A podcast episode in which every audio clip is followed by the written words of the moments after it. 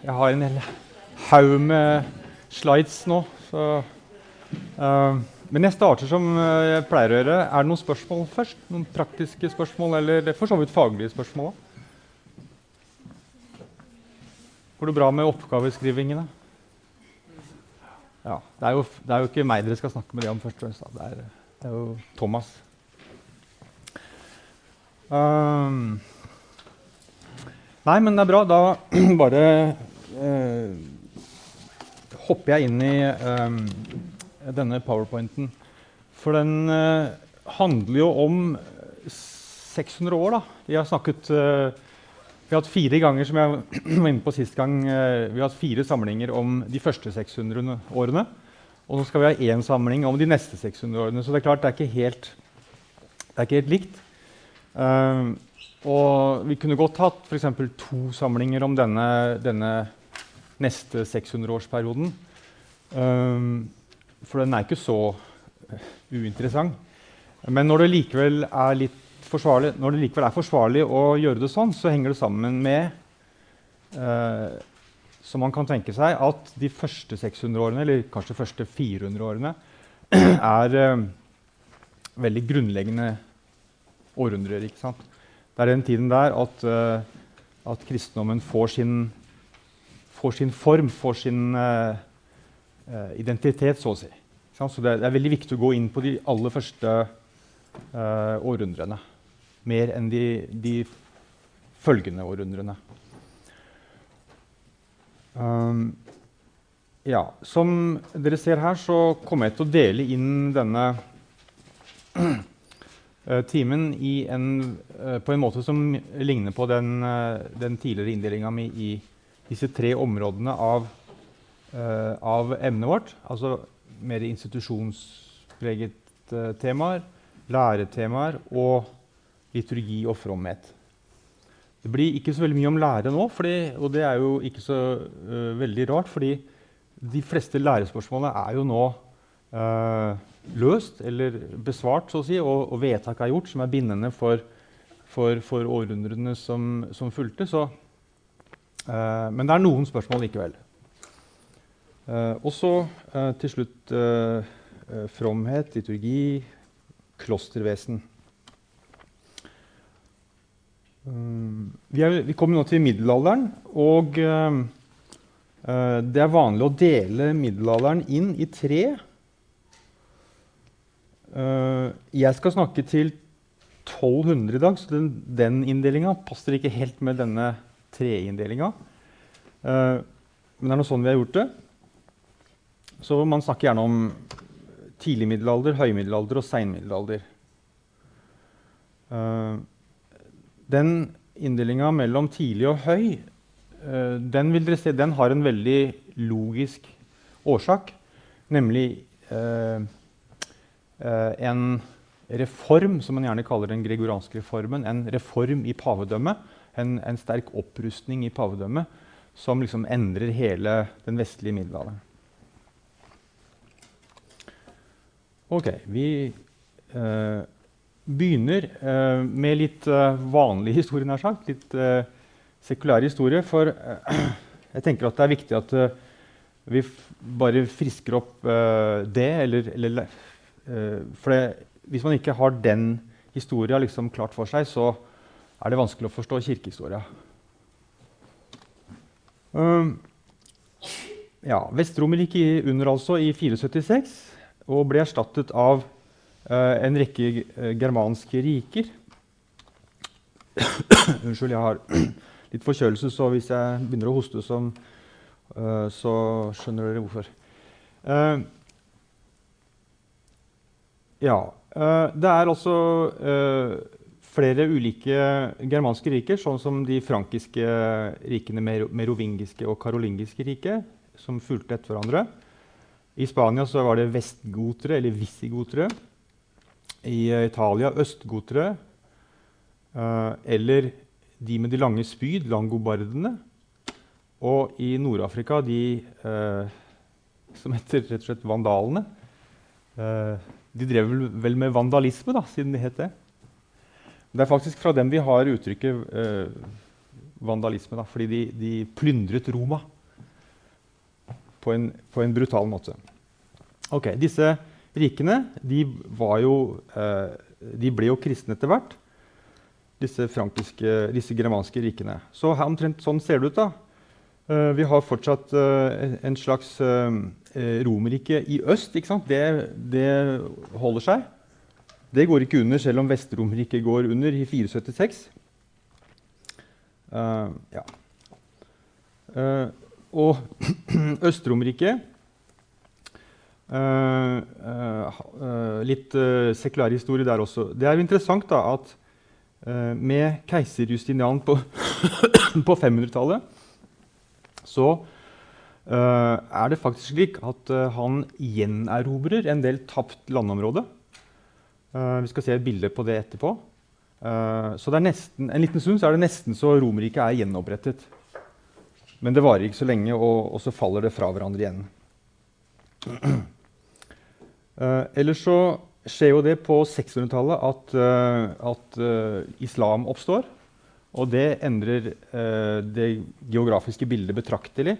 Fordi eh, Midtøsten erobres, og eh, Nord-Afrika. Og også Spania, del, store deler av Spania.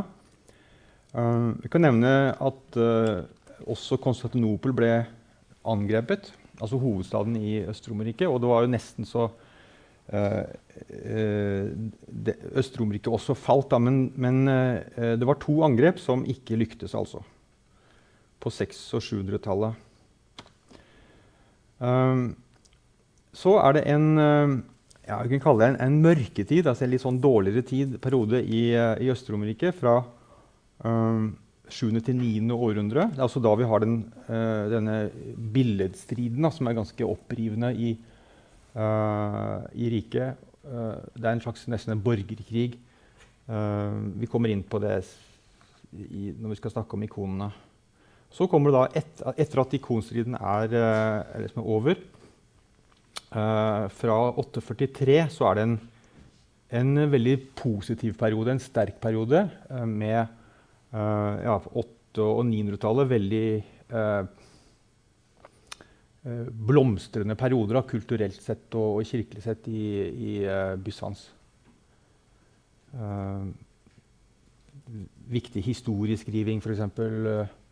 Uh, kopiering av gamle manuskripter. De, man kopierte ikke bare kristne manuskripter, men også uh, klassisk uh, litteratur. Gammel gresk litteratur ble jo her, Platon og Aristoteles ble jo her kopiert og, og bevart uh, bevart. Uh, sånn så det altså ut da det var på det største. Så vi ser at uh, altså Dette er jo da på 550 ca. da har keiser Justinian klart å gjenerobre hele Italia, Nord-Afrika og sørdelen av Spania. Så det som mangler av det gamle Romerriket, det er Frankrike og, og eller det vi nå kaller Frankrike og Spania. Og, og, nord for Italia. Men det er likevel ganske store deler av det gamle Romerriket. Så det, det, en liten stund så, så det veldig bra ut da, for en gjenopprettelse av, av hele riket. Men øh, denne offensive krigføringa til Justinian tæret veldig på øh, keiserrikets reserver. Statskassa gikk nærmest tom av krigføringa. Så de hadde ikke penger til å betale soldatene etter hvert. Så det, det var en av grunnene til at det gikk dårlig deretter. Uh, ja. Uh, det er litt dårlig kart, men du ser så vidt til venstre der, så er det etterfølgeren uh, til Justinian, nemlig Justin. Der ser vi at det da faller litt av uh, Italia. Og på neste bilde der til høyre så er vi på 650, og da har jo det skjedd at det arabiske kalifatet, altså Umayyade-kalifatet, har uh, oppstått, og hele Midtøsten er erobret og altså gått tapt fra, fra, romernes synspunkt. De har mistet hele Midtøsten. Det er klart det er et, et vanvittig tap da, på kulturelt og religiøst.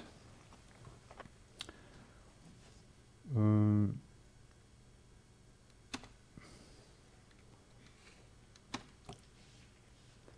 denne, denne, dette Umayyad-kalifatet, uh, altså det, det, første arabiske kalifatet, det erobrer jo også Nord-Afrika og etter hvert, etter hvert uh, mesteparten av Spania, altså den iberiske halvøy. Og man får dette mauriske riket som består i, i, i mange hundre år.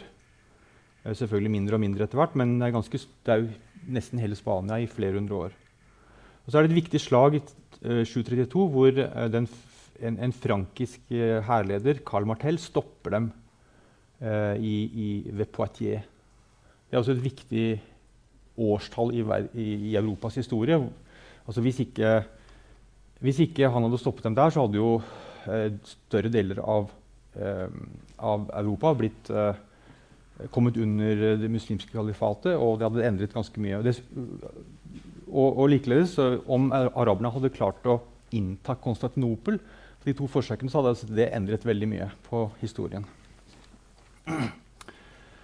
Um, jula i 800 er også et merkeår, fordi da, da lar uh, Karl den store seg krone til romersk keiser i Peterskirka av paven.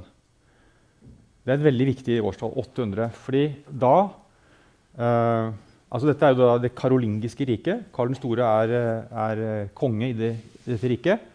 Um, og nå uh, defineres altså dette karolingiske riket som et romersk rike. Romerriket falt i 476. Men, uh, og, og Øst-Romerriket fortsatte jo. Men nå defineres uh, det plutselig nå, nå, skapes det på en måte et Nå gjenopprettes det et, et, romersk rike. det hellige romerske riket. og det oppstår en ny allianse mellom paven og et romersk rike. Eh, så før, Fram til nå så hadde paven i noen hundre år vært alliert med øst, den østlige keiseren, østromerske keiseren i Konstantinopel. Men nå byttet han allianse fra det til, til uh, den, frank, den, frankiske eller karolingiske keiseren. Det er en, et veldig viktig skifte der. Um, men um, da fikk man altså, som det står i rødt her, da fikk man plutselig altså to Romerriker som på en måte var konkurrerende. For de, var ikke, de sto ikke sammen. Det var, det var ikke noen enhet mellom dem. Det var dertimot konkurranse. Og, og, rivalisering og uenigheter mellom de to romerrikene. Så det var to riker som måtte gjorde krav på å være Romerriket. Så fortsetter eh, Det hellige romerske riket eh, i, i, det tyske området. Og, og det er altså at det, at det, det østfrankiske riket, den østlige delen av Karl den stores rike, det blir jo splittet opp etter hans død. Og det, den østlige delen eh, blir da det tyske riket. Uh, som, um, som da uh, beholder så å si, den, den tittelen det, det, det romerske riket. Eh, så det romerske riket måtte gå fra å være, eh, være det karolingiske til det tyske, tyske riket. Da. Og eh, det fortsetter i mange hundre år, dette tysk-romerske riket. Eh, og Otto den første er til keiser av paven, så nå, er det en allianse mellom paven og det tyske riket. Og eh, tyskerne får da en sterk dominans i pavedømmet fra denne tida. ikke minst på 1000-tallet, som vi skal se da. En serie med bilder nå som viser utviklinga her i, i historie. 800 ser vi at det frankiske riket, karolingiske riket, er, er, er veldig stort og, og, udelt. Al-Andalus det er altså navnet på det muslimske kalifatet i, i Spania. Um, ja, så ser vi at det østromiske riket uh, fortsatt, fortsatt, er ganske stort. Fortsatt har mesteparten av uh, Lille-Asia. Uh, og også sørenden av Italia merk, merk dere det. Sørenden av Italia, Sicilia og, og blant annet, har, eller var, var gresk faktisk i, i mange hundre år. Uh, bulgarsk rike begynner også å oppstå her, og litt serbisk. Uh, ja, ikke så mye forandring her, men uh, den viktigste forandringa er at det karolingiske riket er delt i to, altså et vestlig og et østlig. årtusen, da Uh, da er altså det hellige romerske riket det er da det, det tysk-romerske. ser dere. Og, og, og, Frankrike har liksom ikke det, ja, det vi kunne kalle Frank France, har ikke den, uh, den tittelen uh, lenger. Det bysantinske riket er ikke så veldig stort, men, men nokså stort liksom enda, og, ja. Og så ser vi at uh, Russ, Kiev, Russland begynner å oppstå. Og det skal jo bli kristnet på den tida her omtrent. da. Ja. Uh, så skjer det uh, ting på, mer på uh, tusentallet, nemlig det ganske skjebnesvangre slaget ved Manzikert. Og Manzikert er liksom helt øst på, i Lilleasia. Altså øst i Tyrkia da, i dag. Der er det et slag mellom um, østromerne, eller altså bysantinerne, og seltsjuk-tyrkere, som går dårlig for romerne. De taper. Og uh, når de taper der, øst i Lilleasia, så åpner portene seg uh, nærmest for tyrkerne. Så det er en invasjon av uh, tyrkere inn i Lilleasia allerede på 1000-tallet. Uh, slik at uh, uh, Øst-Romerriket, altså bysantinske riket, mister enda mer av sitt territorium. Og, det, og, kommer seg egentlig aldri fra det. Det, blir, det har nå blitt så, så, såpass lite at det nesten ikke er noe rike. Det er ikke noe keiserrike. så det er nå mer riktig å kalle det det bysantinske riket enn en Øst-Romerriket. Selv om det romerske forblir identiteten Eh, deres. De kaller seg romere. De kalles de faktisk fortsatt i dag. Uh, tyrkerne kaller de gresk-ortodokse i Istanbul for Rom. Den romerske kirke. Um, ja, la oss uh, uh, nå gå over på mer kirkelig historie. Um, vi går litt tilbake i tid uh, for å liksom, få, få, forbindelsene her. Um, uh, på 400-tallet var altså alle disse germanske stammene blitt kristnet, unntatt frankerne. Men de var ikke ortodokse. altså De var arianere. De tilhørte denne homoianske fraksjonen av, uh, av, av, av På, på 300-tallet husker vi hadde denne lista med alle, disse, alle ulike fraksjoner. Eh, dette var jo den mainstream arianske fraksjonen utover på 300-tallet. Og da de ble kristne, så var det den fraksjonen som, uh, som var uh, rådende hos den østromerske keiseren. Så da han ja, sto for kristning, så var det den kristendommen som de mottok. Og de oversatte også Bibel og liturgi og, og kanskje andre tekster til sitt eget språk, nemlig gotisk. Det er en veldig interessant og tidlig Eh, bibel, germansk bibeloversettelse. Da. Så blir også frankerne kristne, og de uh, velger ikke ariansk, men de, altså de, blir direkte katolske kristne. og Det skjer da kong Klodvik den første. Og, og Merovingerriket blir kristne, da. Uh, og i, rundt, uh, altså på slutten av 500-tallet, på en synode i Toledo, så velger vestgoterne, altså det vest visigotiske riket, å bli å gå over fra arianisme til katolisisme. Og med det så har alle uh, de egumanske rikene da blitt uh, katolske. Så ved, per år 600, som er vårt startpunkt nå, så, ha, så er liksom hele Europa katolsk, da, kan vi si.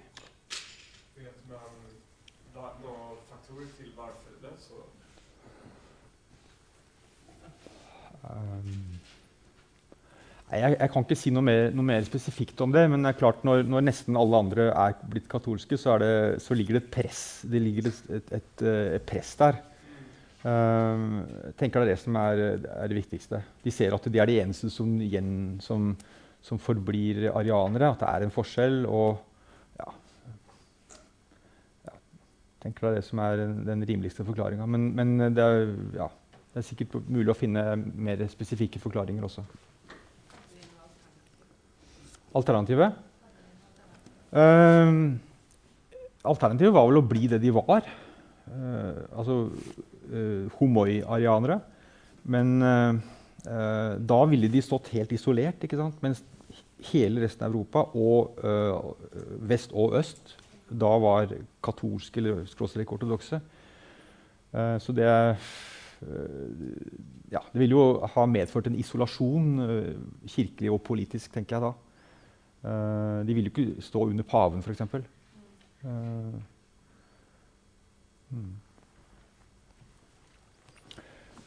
La oss si noen generelle ting om, uh, om kristendommen da, i vestlig middelalder sånn på, disse, på den tida her noen århundrer framover. Altså alle, alle, er nå blitt katolske kristne. Det er en del misjon til, uh, til misjon til ennå ikke kristnede områder i Europa. Vi skal se på det nærmere. Uh, mye av den kulturelle kontinuiteten uh, besørges av, av, av, av kirka. det er jo der man finner mange lærde. Vestrom, når Vestromerriket går under, så tapes mye av den kulturelle, det kulturelle nivået. Um, men, uh, men, kirka er bærer av, uh, av, av en del lærdom, f.eks. Uh, manuskriptkultur. Det å kopiere manuskripter, kopiere bøker, tekster, og, og, og, lære å lese dem og, og, kanskje skrive nye. Det skjer innenfor kristendommen. ikke minst kan man trekke fram den såkalte karolingiske renessansen. Karolingiske renessansen, Da er vi rundt 800. Det er et knapt århundre der som er en sånn oppblomstringstid um, for, uh, for, kultur og lærdom. Der uh, finner en del lærde, uh, lærde frankere der som, som også skriver nye tekster. som sagt, De store lærestridene er nå forbi. Uh, og det er mest en snakk om å konsolidere den kristne læra som er, nå er mottatt fra uh, senantikken. Uh, den vestlige kirke står generelt for en augustinsk teologi. Augustin er på en måte den store, den store teologen, og hans teologi er en, et fundament for, for, for de, den frankiske kirka.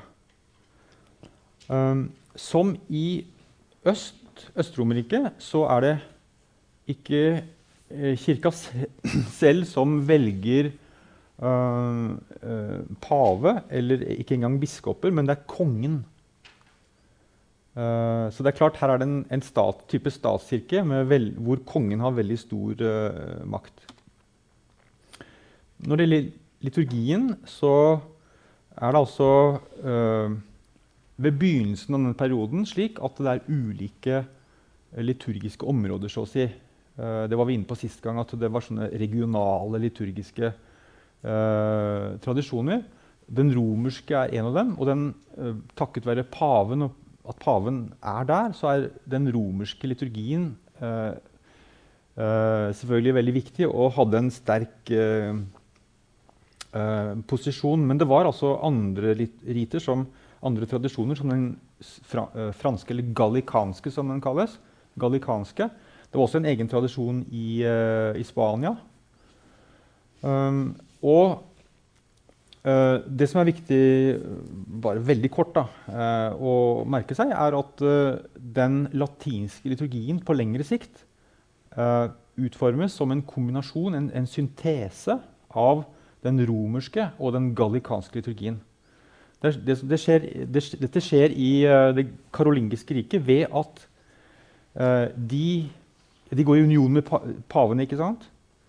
Uh, Karl den store krones i Roma. og tar med seg liturgi, tar med seg bøker fra Roma til uh, ja, Hvor er han? Aachen. Um, og uh, tar med seg bøker fra Roma, altså bringer opp romersk liturgi dit. Men de har jo sin egen fra før, så det skjer altså en, en syntese der mellom det de har, og det de tok med seg fra Roma. Og siden så øh, Siden så blir denne syntesen som oppstår der, den blir brakt ned igjen til Roma. Så, øh, så det, det, som da etter hvert er det romerske, er øh, denne blandingen, den syntesen, som oppstår i det karolingiske riket. Um, når det gjelder bilder, da, så er ikke vestlig eh, altså germansk kristendom billedfiendtlig. De har bilder, men det er ingen sånn billedvenerasjon som, eller ikonvenerering som, som, i Bysants. Det kommer vi også inn på etter hvert. Benedikt, Benediktinerordenen er en uh, ja, blir den eneste faktisk, uh, klosterorden fra, uh, fra Karl den stores tid omtrent. altså fra 800 og to-tre århundrer framover så er det liksom bare én klosterorden i, i, Vesten, og det er den benediktinske. Vi kommer inn på det. Uh, jeg nevnte så vidt at paven forholdt seg til uh, den østromerske keiseren fram til uh, 700-tallet, 8. århundre. Uh, men altså, litt, altså på 720-30-tallet så vi så det på et kart her. Da mistet altså Bysants deler av Italia. Så den østromerske tilstedeværelsen i Italia blir svakere og svakere. Og det er naturlig for paven å søke en politisk allianse et annet sted. Og det skjedde altså, som vi sa, han, da han gikk i union med, med, med, med Karl den store. Ok, Misjon.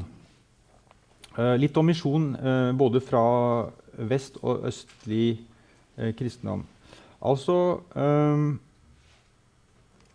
Kelterne ble jo kristnet veldig tidlig, faktisk, på, allerede på 400-tallet. Femte århundre. Um, og, uh, uh, og, og, og, selve England er litt seinere ute der. Men, men ca. 600 uh, så er det en pave som heter Gregor. Gregor den store som sender misjonærer, eh, det er da munker, da, til eh, de britiske øyene. Tyskland, I Tyskland så er det en, en britisk munk som heter Bonifatius. Altså Misjonen til Tyskland kommer, fra, kommer, vestfra, ikke sørfra, men fra England. eh, og til Tyskland, da. og Karl den store, altså Karolingerriket, kristner sakserne og friserne Uh, og litt seinere så kristnet også Bøhmen, Polen, Ungarn, altså uh, mer, østlig og sentralt i Europa. Når det gjelder misjon fra den bysantinske kirka, så Den var kanskje ikke så misjonerende sånn i, i, i, stil, men det var tross alt en, en del viktig misjon også der. vi kan nevne de kaukasiske kirkene. dette er jo veldig tidlig for å kalle det bysantinsk, da, men altså det er skjer allerede på begynnelsen av 300-tallet at disse kirkene oppstod, altså oppstår. Um, som vi har vært inne på tidligere. Så fra 300-tallet så er Armenia og Georgia og en, faktisk en tredje kirke som heter den albanske, altså ikke, ikke i Europa, men en kaukasisk-albansk kirke, albansk uh, kirke som ble kristnet. Og det er nå i området som kalles Aserbajdsjan. Der var det en kristen kirke til uh, ganske nylig, faktisk. Jeg tror det er 1600-1700-tallet. Og, og det ble mus, uh, altså islamisert på den tida. Ja, den viktigste misjonen fra Bysants er, uh, er den som går til ulike slaviske folk. Vi, vi, kjenner til russisk-ortodoks, ukrainsk-ortodoks, serbisk-ortodoks osv. Så, så misjonen skjer ganske tidlig, på 800-tallet. og Um, uh, det er to veldig kjente uh, grekere, da, Kyrill og Metodios, som sto for den aller første misjonen til slaverne. De, de dro til uh, slaviske land litt litt nord for uh, Konstantinopel og misjonerte der. Uh, og oversatte fra gresk til uh, slavisk språk, og også skapte alfa to alfabeter, faktisk. hvorav det ene er det som er det, det, det kyrilliske alfabetet. Kyrill, altså fra, kyrillisk fra Kyrill. Han som skapte det alfabetet. Eh, så det bulgarske eh, riket da, eh, sluttet seg til kristendommen sånn rundt 865. Serbia like etterpå. Og mot slutten av 900-tallet, omtrent da Norge ble kristent, så ble altså Kiev-Russland kristenhet. Også da fra Bysants. De valgte den kristendommen.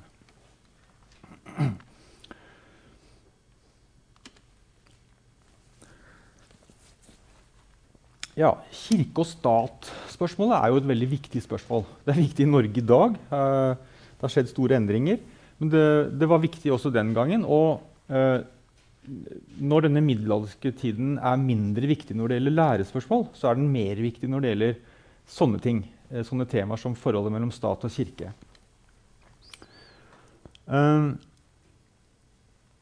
Kirke og stat er betraktet som et organisk hele. Det er liksom én kristen nasjon. Uh, uh, ett legeme, så, så, å si. Uh, og forholdet mellom kirke og stat i Bysants var sett på som et slags samarbeid mellom kirke og stat. De hadde brukt ordet symfonia. altså sam lyd da, egentlig, eh, mellom kirke og stat, hvor hver, eh, eh, hver aktør hadde sin, sine oppgaver og sin, sine roller. Patriarken, som det heter, da, ikke paven, men patriarken, hadde sine oppgaver. Og eh, keiseren hadde sine oppgaver, og, og, de som var under dem igjen. Uh, men selv om keiseren hadde et, et jordisk ansvar, så, han, eh, så, ble han oppfattet som ikke akkurat guddommelig, men altså, det var, hadde i hvert fall et guddommelig et, ja, et, oppdrag fra Gud, så å si. Um, og, um, og hans uh, identitet ble forstått som en slags imitasjon av Jesus, faktisk, av Kristus.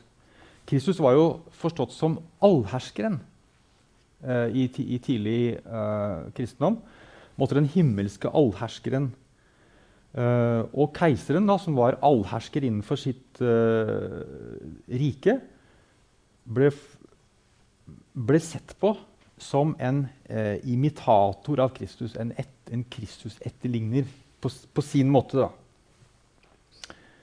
Uh, og til og med sett på som Guds representant på jorda. Uh, og, og det, dette skjer altså selv om man har ei kirke som også ja, som kanskje som selvfølgelig mer ivaretar det religiøse aspektet, det åndelige aspektet. Men også keiseren får måte, sin del av det. Uh, og Det viser også hvordan de to sidene, de to dimensjonene, er vevet sammen i, det, i dette samfunnet. Eh, keiserens rolle er bl.a. å innkalle til konsiler. Um, det var keiser Konstantin som innkalte til det første konsilet i Nikea og, og, og de eh, neste konsilene. Um, og det var også keiseren som hadde oppdraget å iverksette beslutningene som ble tatt på konsilene. Keiseren innkalte til konsilene. Uh, på konsilene så gjorde uh, biskoper først og fremst biskopene som var der, gjorde noen valg. De gjorde vedtak disse, uh, ja, om, om, regler for, for kirkelivet, f.eks. Og så var det keiserens oppgave å iverksette disse beslutningene. Så det var et samarbeid der. keiseren ble Uh, ja, keiseren velger patriarken.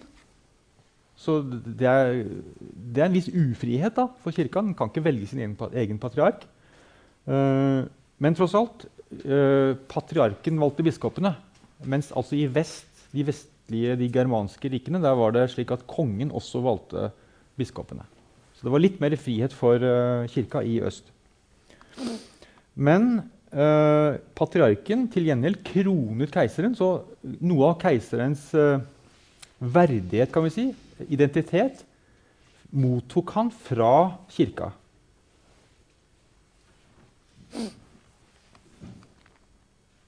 Så det var et samarbeidssymfoni, men det var også uh, helt klart at det var to ulike uh, dimensjoner av riket. Og det var mange eksempler på spenning og konflikt mellom kirke og stat i Bysants. Hvis vi nå ser på det samme, da, kirke og stat i vestlig middelalder, så er det mye av det samme. Uh, så langt. For det kommer en endring nemlig på 1000-tallet. Uh, Åndelig og verdslig myndighet er en annen måte å si det samme på. Kirke og, kirke og stat uh, var i en slags balanse. Det er en teori som går tilbake til pave Gelasius om de to sverd. Altså to makter da, eh, som har hvert sitt sverd. Et åndelig sverd og et verdslig sverd. Men begge forstås, begge sverdene, begge maktene forstås som, som nærmest guddommelig gitt. De, de, er avledet av, uh, av en slags uh, assosiering med, med, Kristus som allherskeren. Uh, guddommelig innsatt leder, ja. Pavedømme Vi er vant til å tenke på pavedømme som en veldig, sånt, veldig mektig uh, kirkelig organisasjon, sånn, sånn, som vi ser den i dag. Men, uh, men det er en følge av en reform som finner sted på 1000-tallet. Vi kommer inn på den, den gregorianske reformen. Fram, altså I første årtusen fram til dette så har ikke pavedømmet noen øh, politisk makt overhodet. Den er, øh, Paven allierer seg med med, den ene, med det ene riket og så det andre riket. Uh, og trenger en sånn politisk beskyttelse. Men, uh, men har ingen særlig politisk, politisk, makt og er mest en, en religiøs instans. I det første årtusen. Uh, det ser vi ved måten pavevalgene fant sted på. Uh, det er ikke noe dere trenger å lære, bare for å, bare for å anskueliggjøre hvordan, hvordan, det var før 1059. Eh, I noen hundre år ble han valgt av den østromerske keiser, så den frankiske keiser, altså av uh, karolingiske.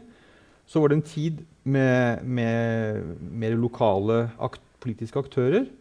Uh, Hvoretter eh, Det er den tyske keiseren som, tysk-romerske keiseren som velger pave når det riket da stiger, stiger fram. Um, så vi ser at uh, også paven ble valgt av uh, verdslig politisk myndighet i det første årtusen. Uh, I hvert fall den andre halvdelen av det første årtusen. Så endres det altså på 1000-tallet med den pavelige reformbevegelsen. Og da er vi på, på, i andre halvdel av 1000-tallet, 11. århundre. Uh, og det var en pave som da het Gregor den 7., som ga navnet til den gregorianske reformen. Uh, og det er denne reformen uh, som gir opphav til det pavedømmet vi kjenner i dag. Et sånt et, et, et politisk frittstående internasjonalt organisasjon, kirkelig struktur. Mm, og ja, Så noe av Eller hovedprinsippet kan vi si, hovedprinsippet i den gregorianske reformen um, er libertas ecclesia, kirkas frihet. Uh, og da forstått som frihet, frihet fra uh, verdslige myndigheters innblanding. Uh, eh, kirka ønsket nå ikke lenger å være under eh, eh ja, eh, under kontroll av en keiser som skulle velge pave, f.eks. Det var den viktigste, viktigste anliggende i denne reformen. Mm. Men det var også et par andre ting, nemlig presteskapets sølibat. Det, det, altså det, betyr at uh, en prest skulle være ugift. Sånn som katolske prester er i dag. Um, og det tredje er eh, forbud mot simoni, som det kaltes. Dvs. Si kjøp og salg av kirkelige embeter. Og det er jo eh, ja, eh, ganske forståelig. Um, ikke så spesifikt, mener jeg. Um, men også dette med kirkas frihet. Hvis du skal huske én ting fra denne forelesninga i dag, så er dette kanskje det, det viktigste. Libertas ecclesia fra, fra 1000-tallet. En, en, helt avgjørende um, vending, så å si, i den vestlige kirkes historie. Uh, så uh, fra man går altså fra det at eh, kirke og stat måte, er to likeverdige partnere som har sine oppgaver, eh, til at kirka skal være, ha et overherredømme. Um, og uh, paven gjør nå krav på å måtte ha, ha bukta av begge endene. Altså ha både ha overmyndighet både på det verdslige og det åndelige eh, området. Eh, så det var dette reformprogrammet på slutten av 1000-tallet. Men det er klart, det, møtte, det, ville møte motstand. Det kan man jo uh, tenke seg. Det ville møte motstand hos uh, disse germanske folkene som hadde en helt annen tradisjon, nemlig denne balansegangen mellom de to. Eh, så det fulgte en, eh, et par århundrer med kniving mellom eh, keiser og pave, kan vi si.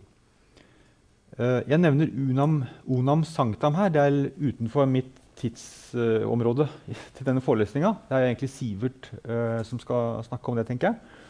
Men jeg bare nevner det. Onam sanctam er en pavebulle fra, fra det året der. som veldig klart formulerer liksom, denne endelige pavelige seier på begge frontene. Uh, så det er to, to, tekster, uh, to sentrale tekster. Det er 'Dictatus Pape' og 'Onam Sanctam'. La oss se på den første. Uh, det er den samme Gregor den 7. Da. Gregor den 7. 7. Um,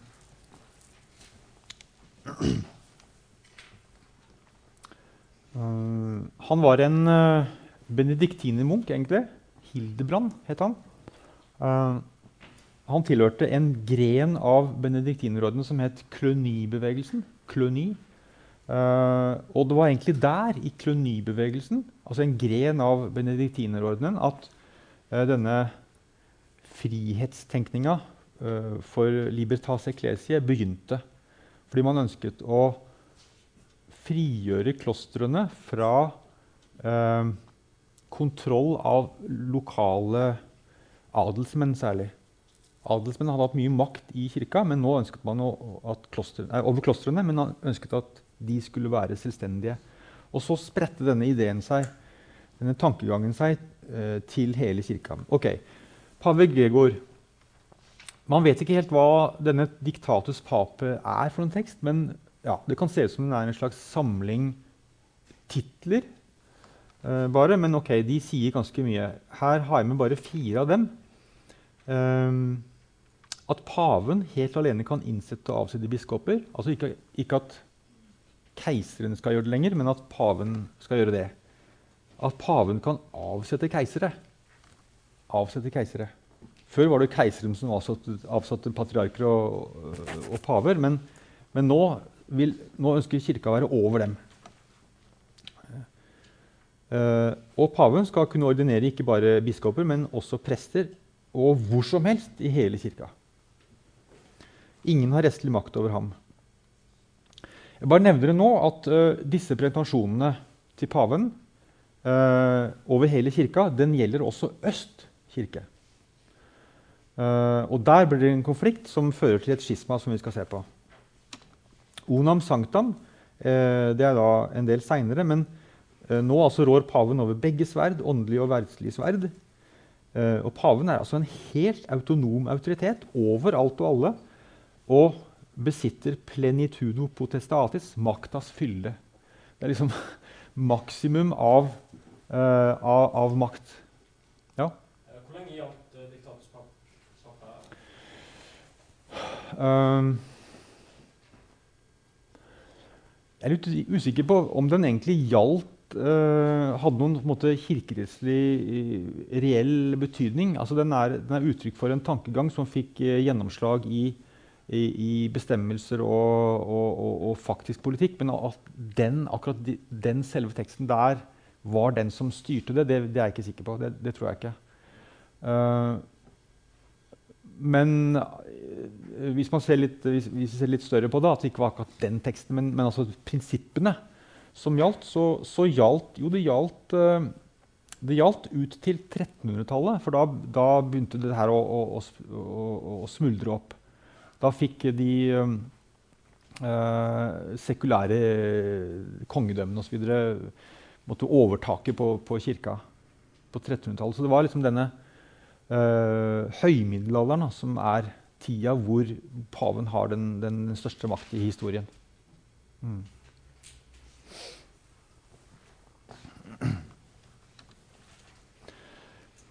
Ja, jeg bare tok med den her um, som en kur kuriositet. Um, denne økninga av pavens uh, ambisjon, eller pretensjon, uh, ser man uttrykt gjennom titlene som paven har. Eh, den, den tidligste tittelen er, er, Peters stedfortreder. Altså, Peter er jo apostelen som grunnla den romerske kirke. Og paven er biskopen av Roma, som måte, er arvtaker etter, etter Peter. Eh, så eh, kommer eh, tittelen eh, Kristi stedfortreder. Altså, han, paven er på en måte eh, en vikar for Kristus. Eh, fra 400-500-tallet. Og det er en tittel som paven fortsatt har. Kristi stedfortreder på, på jord. Men eh, eh, altså mot slutten av høymiddelalderen, altså like før eh, Onam Sanktam, så kommer tittelen Guds stedfortreder. Men den, og den eh, ja, Han prøver seg med den, men den blir ikke offisiell, altså.